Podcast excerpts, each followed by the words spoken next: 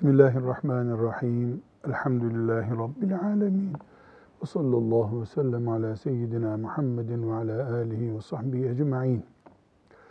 Riyazu Salihinden Allah için Müslümanların birbirlerini ziyaret etmelerine dair teşvik nitelikli hadisi şerifleri okuyoruz.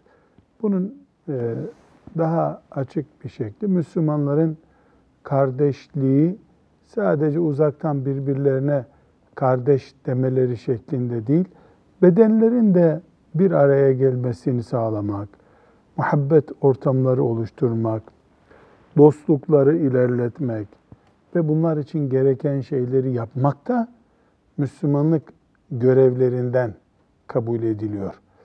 E bu ziyaretleşmek insanın fıtri ihtiyaçlarındandır. Yani birini görmeye gitmek, birisinin sana e, görmek için gelmesi insanın doğal olarak istediği şeylerdendir.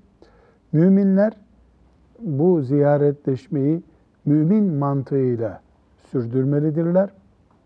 Mümin olmayanlar da maddi bağlantıları, işte aile bağları, ırk, etnik kimlikleri vesaire gibi sebeplerle bunu yaparlar.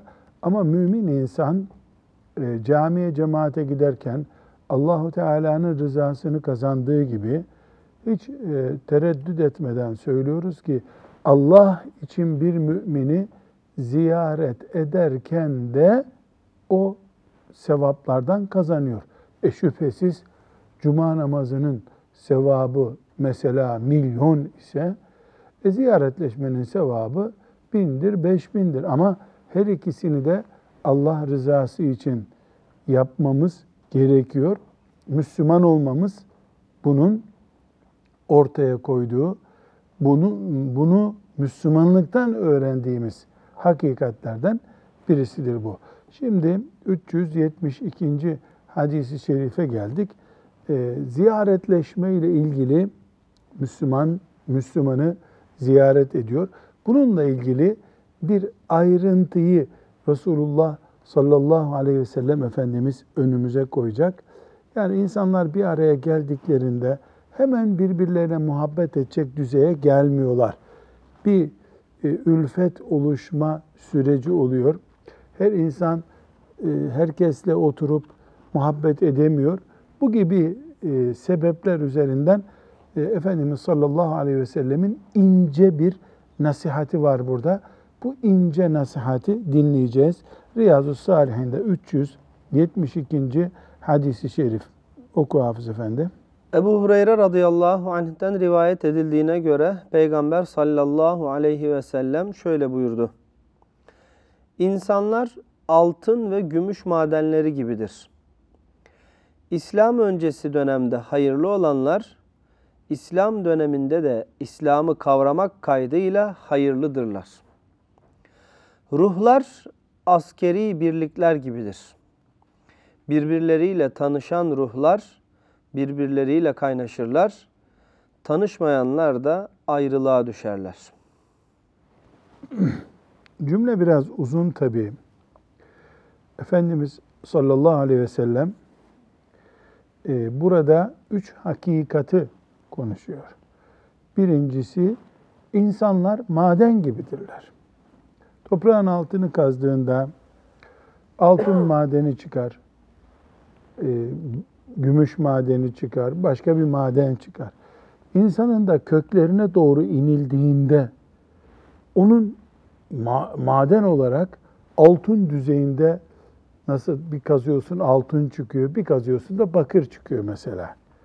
İnsanların da köklerine inildiğinde adamın çok iyi bir kökü olduğu, yani ahlak açısından, insanlık açısından, Müslümanlık açısından çok iyi olduğu anlaşılmış oluyor. Kiminin de geçmişine bir dönüyorsun, batık bir ucuz maden gibi oluyor. Şimdi bu geçmişini incelediğimiz insanların bir bakıyorsun ki asaleti yüksek adam. Ama Müslüman değil. Müslüman olduğunda o asaletiyle Müslüman oluyor. Yani bizim bir insanlık boyutumuz var. Mesela ashab-ı kiramdan Allah onlardan razı olsun. E, Ömer radıyallahu anh ne kadar meşhur bir adam değil mi? Kaliteli. Yani isim bulmaya zorlanıyoruz Ömer'i anarken. Müslüman olmadan önce de Ömer kaliteli bir adamdı.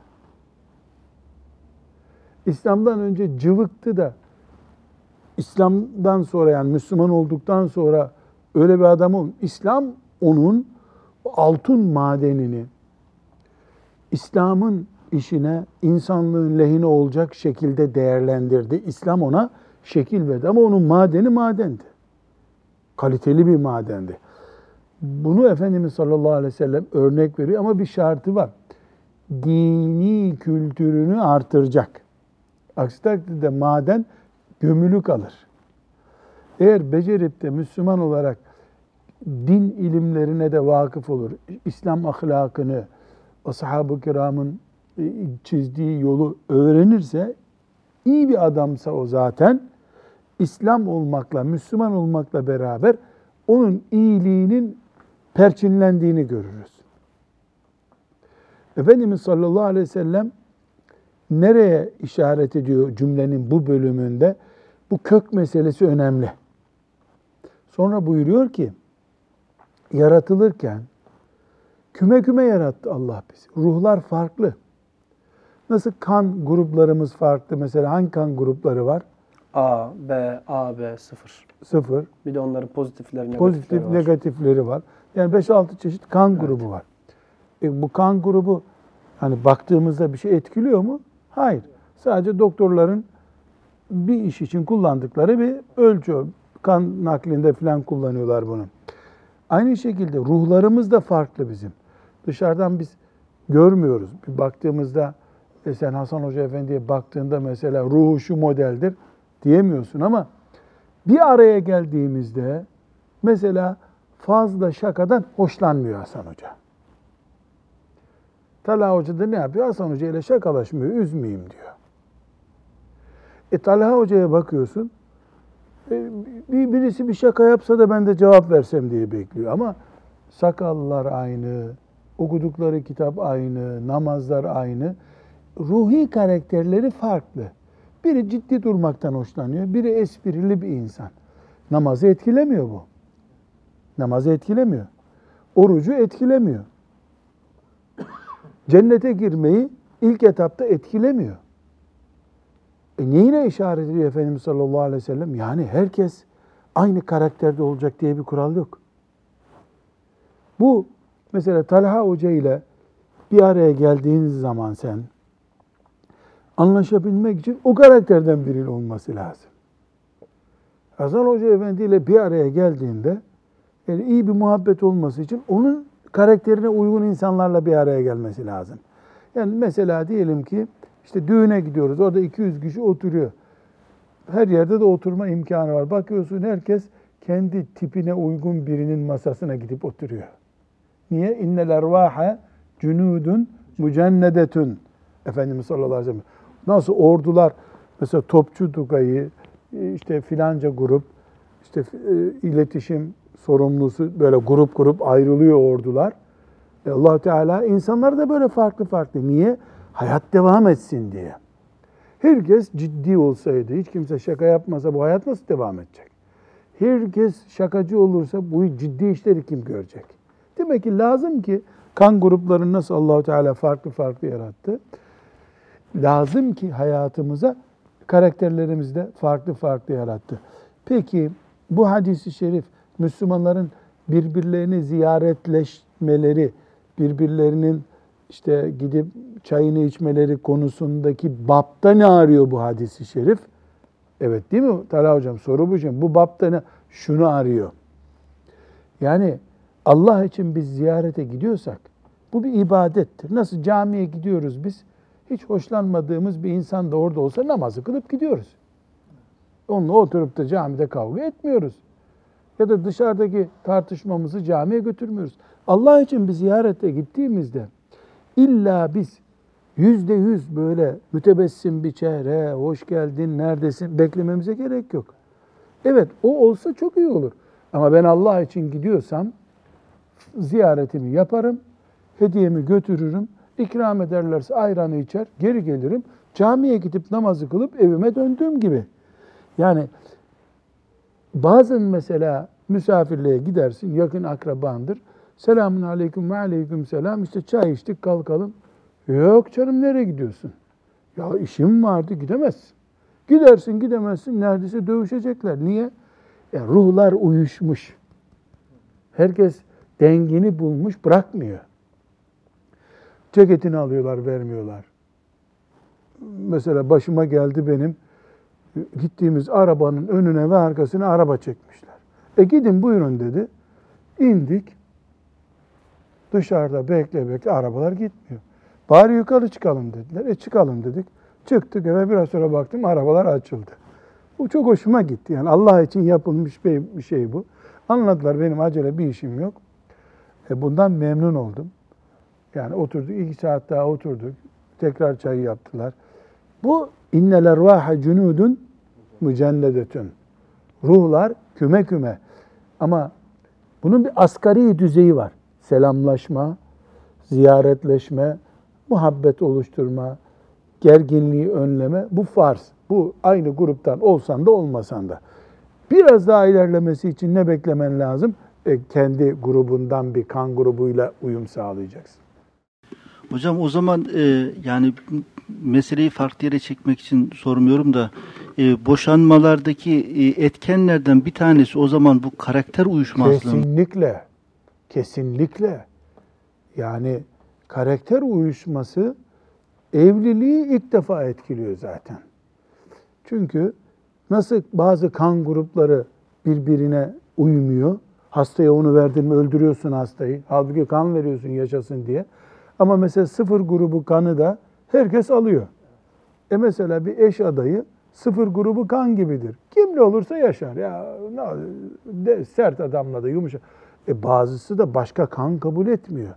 Bu sebeple evlilikten önce Efendimiz sallallahu aleyhi ve sellem Abdurrahman'a ne diyor? Gittin gözlerine baktın mı evleneceğin kadının diyor. E ne alakası var şimdi koca bir sahabi evleneceği kadının gözü eğri olsa doğru olsa ne olacak? Öyle değil. Öyle değil. Ne buyuruyor? Bu Medinelilerin gözleri farklı diyor. Biz Mekkeliyiz. Böyle kadın gözüne alışık değiliz diyor sallallahu aleyhi ve sellem. Bak el ervahu cunudun mücennedetün. Bazı hadisi şerifleri birden çok konuya oturtmak gerekiyor. Bu ne kadar mübarek bir nasihat. Anne baba ilişkisinde de geçerli. Yani çocuklarla evlat arasında da geçerli. Eşler arasında geçerli. Müdür işçi arasında geçerli. Hoca talebe arasında da geçerli. Haydi hay geçerli hem de. Haydi hay geçerli. Yani ashab-ı kirama da bakıyoruz. Mesela şimdi Ömer dedik ki Allah şefaatine nail etsin bizi. Ömer radıyallahu anh'ı konuşuyoruz. Şimdi e, Osman'ı konuşuyoruz. E, radıyallahu anhum cemiyan. Şimdi Ömer sert adam. Yani Osman'a bakıyorsun hep Kur'an okur adam zannediyorsun. Yapılan fetihlere bak Osman zamanında daha fazla cihat yapılmış. Ebu Bekir radıyallahu anh böyle hep ağlıyor. Efendimizin ayağının dibinden ayrıl. E, bugün İslamiyet varsa elimizde elhamdülillah Ebu Bekir'in o günkü sertliği sayesinde oldu değil mi? Ömer bile o zaman yumuşak kaldı Ebu Bekir'in sertliği yanında. Demek ki asas ruhları başka. Yani e, olay zamanında ortaya çıkıyor karakterleri ama normal hayatta da kendisini melek gibi hissettiriyor. Bu mümkündür. Asgari düzeyde hepimiz Müslümanız. İslam'ın şartlarına göre yaşarız. Kardeşliğimizi koruruz, geliştiririz, sadakamızı veririz, tutar kaldırırız eşyasını, yardım ederiz. Derin muhabbete gelince herkes kan grubunu bulsun. Herkes kan grubunu bulsun. Hatta o kadar ki Salih Hoca ben şuna dikkat ettim. Mesela bazı insanlar demli çay içer. Bazıları da çaydan pek hoşlanmaz. İşte kant içer mesela. Ya bunun dostluğa etkisi olur mu? Olur tabi. Demli çay tutkunları demlik bitmeden kalkmıyorlar. Bir konu daha açılıyor, bir muhabbet daha açılıyor. Zararı var mı? Yok. Gıybet etmiyorlarsa, haram konuşmuyorlarsa ne güzel. Ezan okundu onlar hala orada oturmuyorlarsa ne kadar güzel. E yani bir çay sevme zevki bile Dostluğu ne yapıyor? Yönlendiriyor. Efendimiz sallallahu aleyhi ve sellemin mucizevi hadisi şeriflerinden biri mi Bukhari'de ve Müslim'de. Bu hadis için bir kere daha oku ki hafız zihinlerimizde iyi kalsın. İnsanlar altın ve gümüş madenleri gibidir. İslam öncesi dönemde hayırlı olanlar, İslam döneminde de İslam'ı kavramak kaydıyla hayırlıdırlar. Ruhlarsa askeri birlikler gibidir. Birbirleriyle tanışan ruhlar birbirleriyle kaynaşırlar. Tanışmayanlar da ayrılığa düşerler. Evet. Sadaka Resulullah sallallahu aleyhi ve sellem. 373. hadisi şerife geldik. Ee, bu hadisi şerif biraz uzunca ama tatlı bir hikaye şeklinde. Ee, ashab-ı kiram zamanında yaşayan, yani Efendimiz sallallahu aleyhi ve sellem sağ iken yaşayan ama Efendimiz sallallahu aleyhi ve sellemi gelip göremediği için sahabi olamayan bir zat var. Bizim Türkçe'de Veysel Karani diyorlar. Uveys İbni Amir el-Karni asas adı. Uveys kelimesi herhalde Türkçe'de zor telaffuz edildiğinden mi gerekçesini bilmiyorum. Ee, Veysel ismi Uveys'ten gelme. Veysel deniyor. Uveys el-Karni rahimehullah tabiinin bir numarasıdır. Yani şu dünyada La ilahe illallah Muhammedur Resulullah diyen Müslümanların en biri kimdir? Ashab-ı kiram. Sonra ikinci kimdir? Tabi'in. Rahimehumullahu cemiyen. Tabi'inin de kendi içinde sıralaması var. Nasıl ashab-ı kiramın bir numarası da kimdir? Ebu Bekir radıyallahu anh'tır. Tabi'inin bir numarası da Uveys el-Karni rahimehullah'tır. Neden? Çünkü Efendimiz sallallahu aleyhi ve sellem onun büyüklüğüne şahit oldu. Bu zat Yemen'de yaşıyormuş. Yemen'de e, annesi yaşlı bir kadın olduğu için annesinin hizmetini görüyor, Müslüman oluyor. Resulullah sallallahu aleyhi ve sellem'i ziyarete gidecek, annesi izin vermiyor. Ya da annesinin şartları uygun olmuyor. Tam ayrıntıyı bilmiyoruz. O da içinde bir kor olarak yandığı halde Efendimiz sallallahu aleyhi ve sellemin sevgisi gidip göremiyor Efendimiz'i. Efendimiz sallallahu aleyhi ve sellem Ömer radıyallahu anha Yemen'den Uveys diye bir adam gelecek. Onu gördüğün yerde ondan dua iste sana dua etsin diyor. Ee, böyle bir demek ki bu adam Ömer'e dua edecek adam. Ömer'e dua edecek adam. Yani Ömer Efendimiz sallallahu aleyhi ve sellemin en büyük sahabilerinden biri ama bunda bir fazilet var. İçindeki iman sevgisi, Allah'ın emri anaya babaya hizmet etmek ona titizlik gösteriyor veya bir fazilet. Ömer radıyallahu anh da Yemen'den hacılar geldikçe kafileler geliyor ya şimdi hacca gitmeyen gençler nasıl bir şey olduğunu anlamıyorlar. Hasan Hoca iyi anlıyor. Otobüsler duruyor. İşte İstanbul kafilesi geldi. Bunlar filan yerden geldi. Böyle küme küme hacılar toplanıyor. Rabbim orada böyle bir riyaz dersi yapmayı hepimize nasip etsin. Şimdi e, Ömer radıyallahu anh hac zamanı Medine, Medine'ye gelenleri denedi. İçinizde diyor e, kimler var diyor. İşte bir gün yakalıyor. Sen kimsin diyor. Üveys. Neredensin? Şuradayım filan derken gel buraya diyor. Gel. Resulullah sallallahu aleyhi ve sellem bana emir buyurdu. Çabuk bana dua et diyor. İstiğfar et benim için diyor. Ediyor. Yani bir insan için ne kadar büyük fazilet. Seni peygamber hiç görmemiş. Beraber cihada gitmemişsin.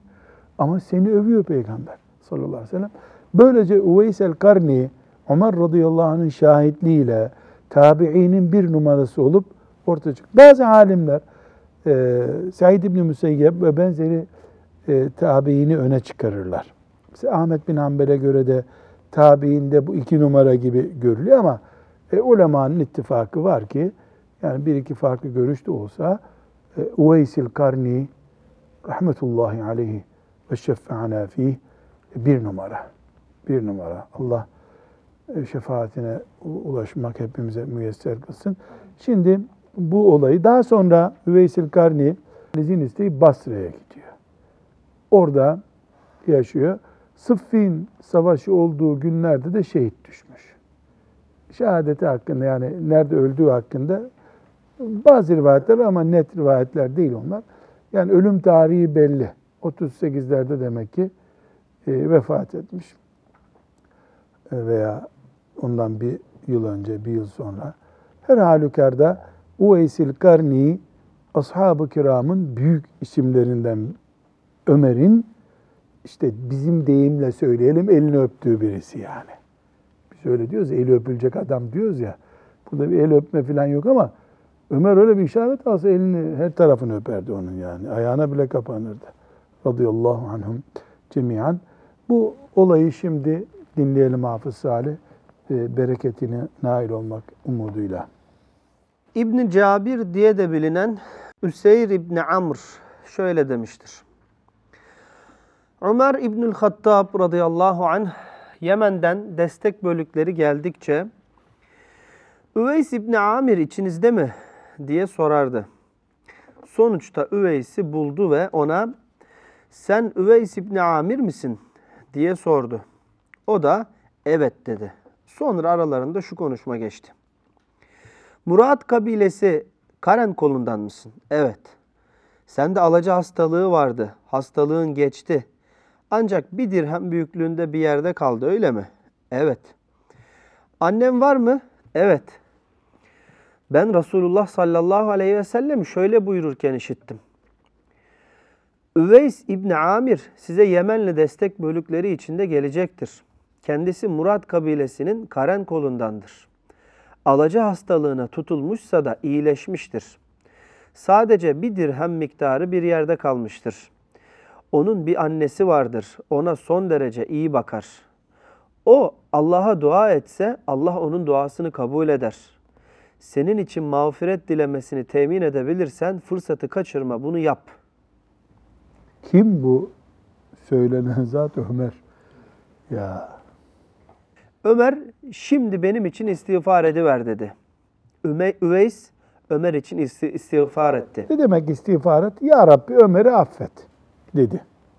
Daha sonra Ömer nereye gitmek istiyorsun diye sordu. O Küfe'ye dedi.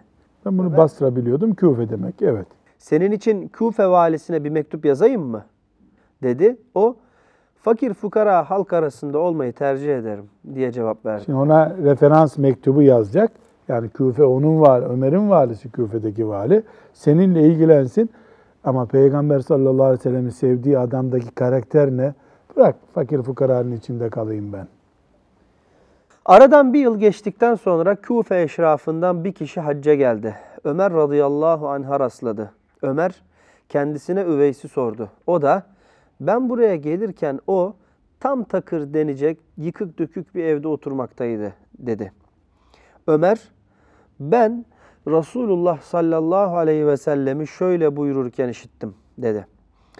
Üveys İbni Amir size Yemenli destek bölükleri içinde gelecektir. Kendisi Murat kabilesinin Karen kolundandır. Alaca hastalığına tutulmuşsa da iyileşmiştir. Sadece bir dirhem miktarı bir yerde kalmıştır. Yani küçücük bir yara kalmış. Tanısın Ömer diye ipucu veriyor Efendimiz sallallahu aleyhi ve sellem. Onun bir annesi vardır, ona son derece iyi bakar. O Allah'a dua edecek olsa Allah onun duasını kabul eder. Senin için mağfiret dilemesini temin edebilirsen fırsatı kaçırma, bunu yap.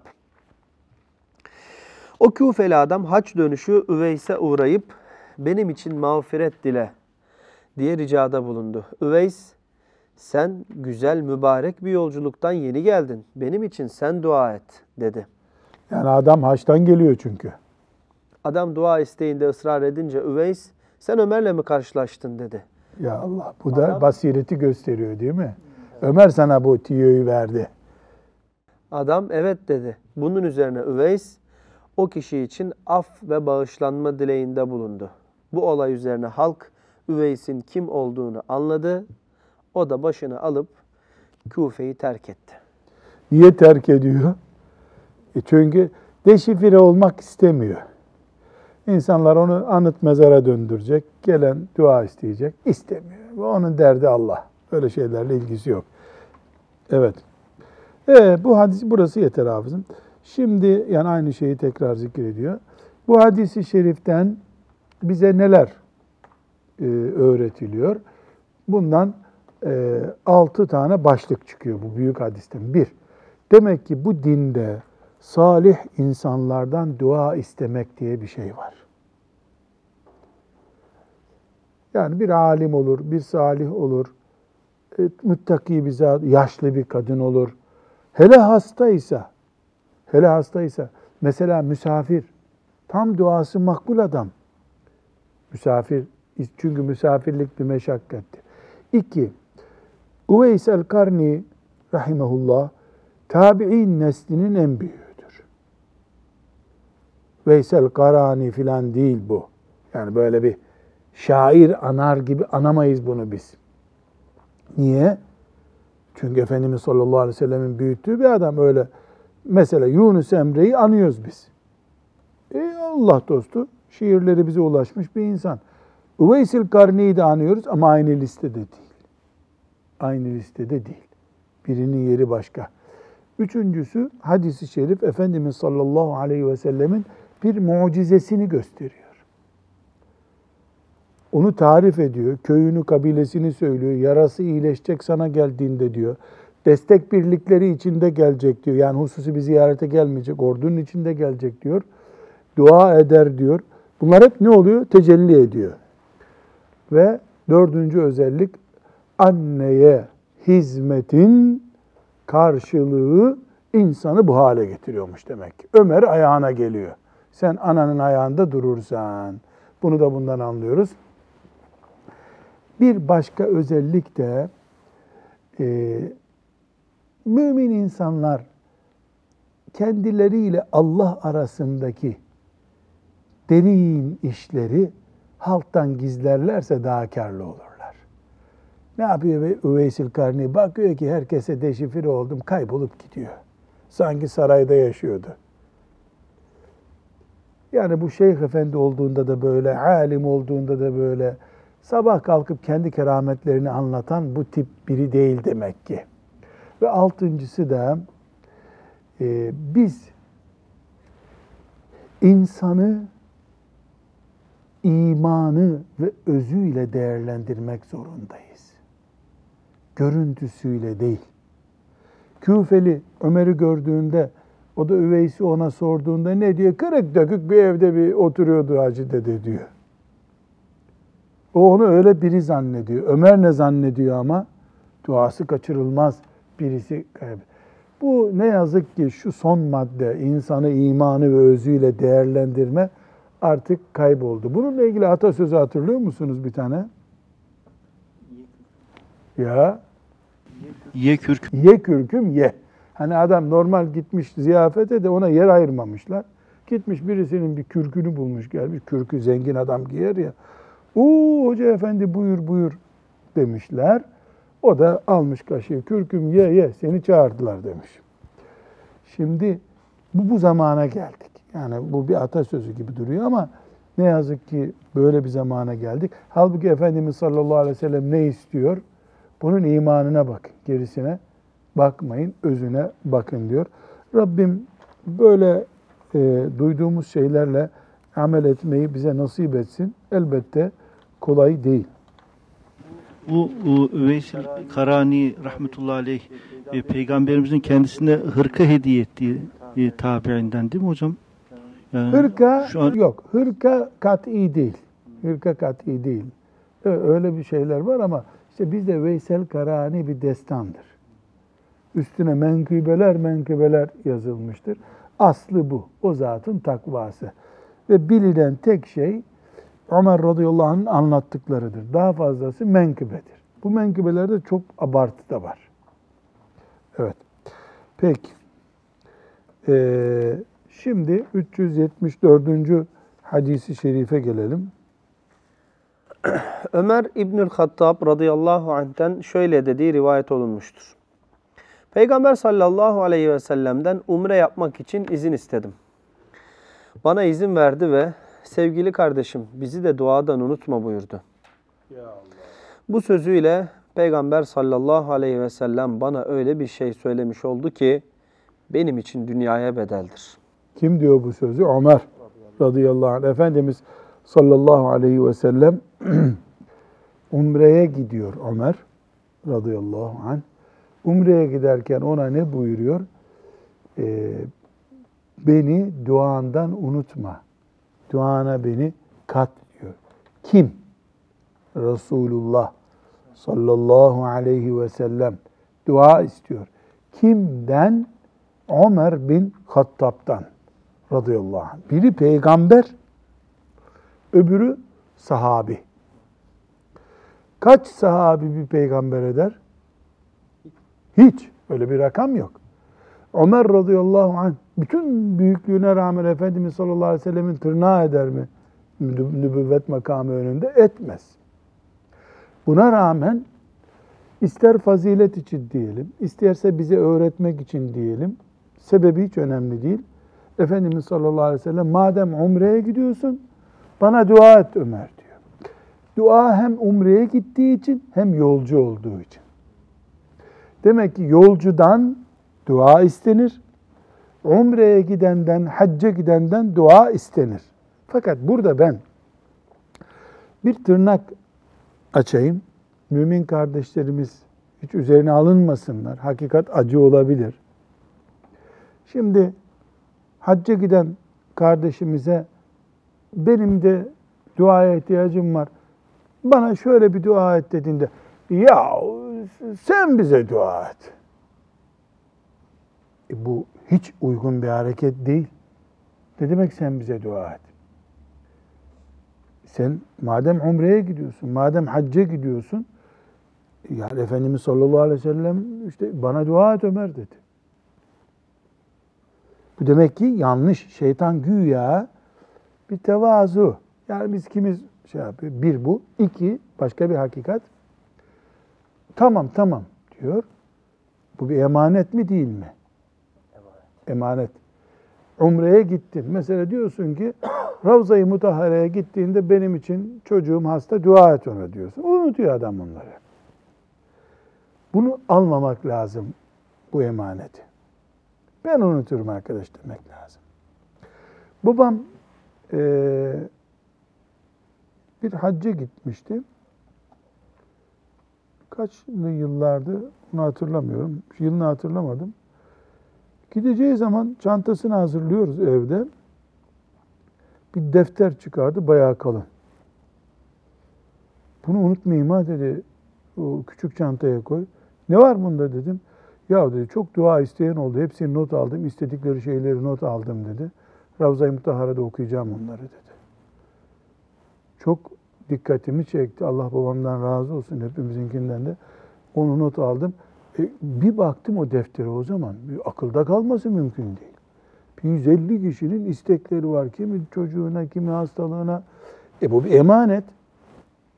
Tamam tamam bakarız. Oraya gidip topluca ya Rabbi dua isteyenlerin hepsini sen biliyorsun kabul et ya Rabbi deyip böyle baştan sağma olmaz.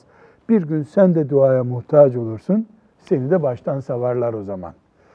İki şey demek ki yanlış. Birincisi ya benim duam nereden kabul olacak? Bu söz yanlış. Ne biliyorsun kabul etmeyeceğini? Ömer'in Efendimiz'e olan konumuyla e, bu konum e, nasıl karşılaşacak? İki, tamam dediysen orada dua edeceksin. Sana Arafat'taki duana beni kat dedi. E de ki e ben o Arafat'ta zaten terden sırılsıklam olacağım. Beni rahat bırak uygun bir yerde sana dua ederim de mesela bu olur. Tamam tamam dediysen tamamı yerine getirmek zorundasın. Biz müminiz. Söz verdik mi sözümüz senettir Allah'ın izniyle. Burada bir mesele daha var bu hadis-i şerifle ilgili. Efendimiz sallallahu aleyhi ve sellem umreyi önemsiyor ve Ömer'in umreye gidişini demek ki dualık bir konu olarak görüyor sallallahu aleyhi ve sellem. Umre yani Nesai'nin rivayet ettiği hadiste yaşlıların, çocukların ve güçsüzlerin cihadıdır diyor. Ne demek şu güçsüzlerin cihadıdır? Yani ayağın ağrıyor, cihada gidemiyorsun. Büyük cami yaptıracak şekilde mal cihadı yapamıyorsun, dersler yapamıyorsun. Çek git umreye sen. Ama burada da acı bir söz söyleyeceğim. Biz Müslümanız. Tatilde İsviçre'ye gitmeyiz. Bari umreye gidelim. Buna karşıyız. Umre İsviçre'nin alternatifi değildir. Umre Antalya tatilinin Bodrum'un alternatifi değildir. Umre Allahu Teala'ya yalvarıp yakarmak için bir yolculuk yapmanın adıdır. Çoluk çocuk "E, biz Bodrum'da ne işimiz var? Umre'ye gittik. Böyle bir umre olmaz. Görüntü iyi görülüyor da içi açıldığında iyi şey çıkmıyor bundan. Adeta umreye insan gizlice gidip yıkama yağlamasını görüp geri gelmesi gerekir. Umreyi bu şekilde göreceğiz. Bir hadis-i şerif daha kaldı bu bölümden. Başlığımız neydi bizim Hafız Salih? Allah için ziyaretleşme, ziyaret yapma idi. Şimdi bu hadisi oku. Bakalım bu başlıkla ne ilgisi var? Abdullah İbni Ömer radıyallahu anhuma şöyle dedi. Nebi sallallahu aleyhi ve sellem Peygamber aleyhisselam binekle veya yaya olarak Kuba mescidini ziyaret eder ve orada iki rekat namaz kılardı. Allahu Ekber. Ne işi var burada bu hadisin? Çünkü Allahu Teala Kuba Mescidini, Mescid-i Nebi'nin, Peygamber Efendimizin kabri şerifinin 5 kilometre ilerisi değil mi? Kıble tarafı, Mekke'ye doğru. Efendimiz sallallahu aleyhi ve sellem Mekke'den hicret edip gelirken oraya uğradı. لَمَسْجِدٌ اُسِّسَ عَلَى التَّقْوَى Takva min evveli yevmin ehakku ehakku en en tekume tekume fihi. fîh. Fihi Ricalun asas konu burada. Fihi Rical. orada ricalun adamlar var. Yuhibbûne en yetetahharu. Tertemiz olmak, imanlarını tertemiz yapmak isteyen adamlar var orada Allah buyuruyor. Efendimiz sallallahu aleyhi ve sellem de her cumartesi Medine'deyse hazır bineği varsa binekle yoksa yaya oraya gidiyor. Niye? Orada adamlar var diyor allah Teala. Onlar belki şehit oldu gittiler. Hatıralarını ziyaret ediyor Efendimiz sallallahu aleyhi ve sellem. Yani demek ki burada şöyle bir şey ortaya çıkıyor. Bir e, emri varsa Allahu Teala'nın ziyaret edin müminleri. O müminler bunun hatıra düzeyine düştüğü zamanı bile değerlendirmeleri lazım. Onun için hacca ve umreye gidenlere ısrarla ben tavsiye ediyorum. Sizi böyle turistik bir ziyaret yaptıracaklar. Onu takma, gitme, gitmesen de olur. Ya da git ona ama bir cumartesi günü Kuba Mescidi'ne gidin muhakkak. Bir cumartesi günü gidip orada Efendimiz sallallahu aleyhi ve sellem iki rekat Kur'an okuyup bizim gibi hafızlar da 3-400 Kur'an okuyup böyle hafızın ziyareti biraz farklı olacak. 3-400 Kur'an okuyup yürüyerek de Medine-i Münevvere'ye geri gelmek lazım. Peygamber hatırası sallallahu aleyhi ve sellem. Hocam e, değerli olan şahısları ziyaret e, etmek gerektiği gibi o zaman değerli olan yerleri de ziyaret etmek gerektiği. E, o değeri Allah verdiyse ama. Allah verdiyse. Peygamber aleyhissalatü vesselam gidin dediyse. Burada sünnet var tabi. Sahabi de ne, İbni Ömer de ne yapıyor hemen? O da her cumartesi Medine'deyse e, Mescid-i Kuba'yı ziyarete gidiyor. Ve sallallahu ve sellem ala seyyidina Muhammed ve ala alihi ve sahbihi ecma'in velhamdülillahi rabbil alemin.